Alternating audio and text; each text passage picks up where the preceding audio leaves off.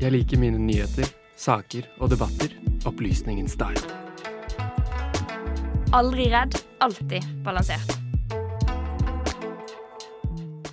Det stemmer. Vi er aldri redd og alltid balansert. Runa. Ja. Jeg har et spørsmål til deg. Ok. Har du noen gang funnet eh, en skatt? Sånn, eh, i en, eh, har, du- har du vært på stranda og eh, sett flaskepost? Eh, jeg har sett flasker. Dessverre ikke noe post inni. Det har ikke noe, vært noe mer spennende enn sigarettsneiper og mer plast. Dessverre. Ah, for vi vet at havet inneholder mange skatter, og det kan jo f.eks. være at folk har eh, skrevet beskjeder, skrevet lapper, kanskje skrevet eh, en hilsen fra helt annet, en helt annen del av verden. Sender det i en flaske og håper at det dukker opp et eller annet sted, og ikke blir, ikke blir mat for eh, fiskene. Men noen som har funnet eh, noe ordentlig gull, det er eh, innbyggerne i Flatanger kommune i eh, eh, Namdalen i Trøndelag.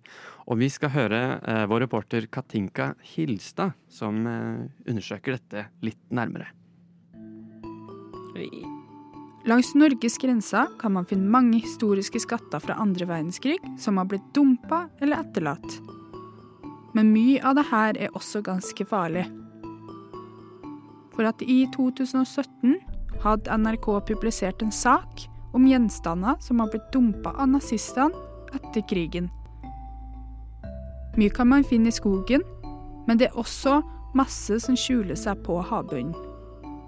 Stormen Ingunn har nettopp herja deler av landet, og et av de stedene her var min mors hjembygd. Flatanger er en bygd med en rik historie, men også deler av det her er prega av årene under krigen. Det er en kystkommune som er plassert sånn cirka midt i Trøndelag, og her er også Follafjorden. Bedre kjent som Folla eller Folla.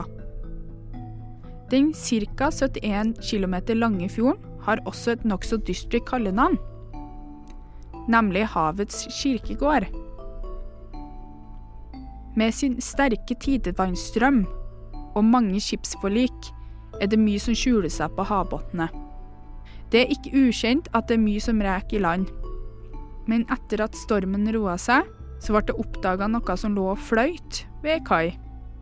Det skulle vise seg å være en stor torpedo fra andre verdenskrig. Bygdeavisa Flatangernytt intervjua mannen som oppdaga torpedoen. Og han sa følgende. Vi så at den lå og fløt i sjøen i går. Da stoppa den utpå her. I dag sto den ved kaia. Jeg visste ikke hva det var. Jeg trodde det var ei flaske. Vi må jo rydde opp i sånt. Det kan ikke ligge og flyte i sjøen, sier han. Videre i saken skriver avisa. Han tok en lasso rundt det han trodde var ei flaske, heiste den opp med trucken og la den til sida på kaia. Først da begynte han å sjekke nærmere. Fant han ut at det var lurt å kontakte politiet. Torpedoen er tyskprodusert, og inneholdt heldigvis ikke noe sprengstoff. Men hadde et lufttrykk på 200 bar. Jeg skal innrømme å si at jeg ikke vet hva det betyr. og Med andre ord, det forteller meg heller ikke noe når jeg prøver å søke det opp. Så derfor måtte jeg ta fatt og ringe far min. Og siden jeg ikke er så interessert i sånt heller, så måtte han forklare det på en litt mer vennligere måte. Så han sa Se for deg at du har 200 kilo plassert på fingertuppen din. Så mye er det snakk om. Altså 200 kilo fordelt på en kvadratcentimeter. Men det skal også tilsvare rundt to elger gi og ta.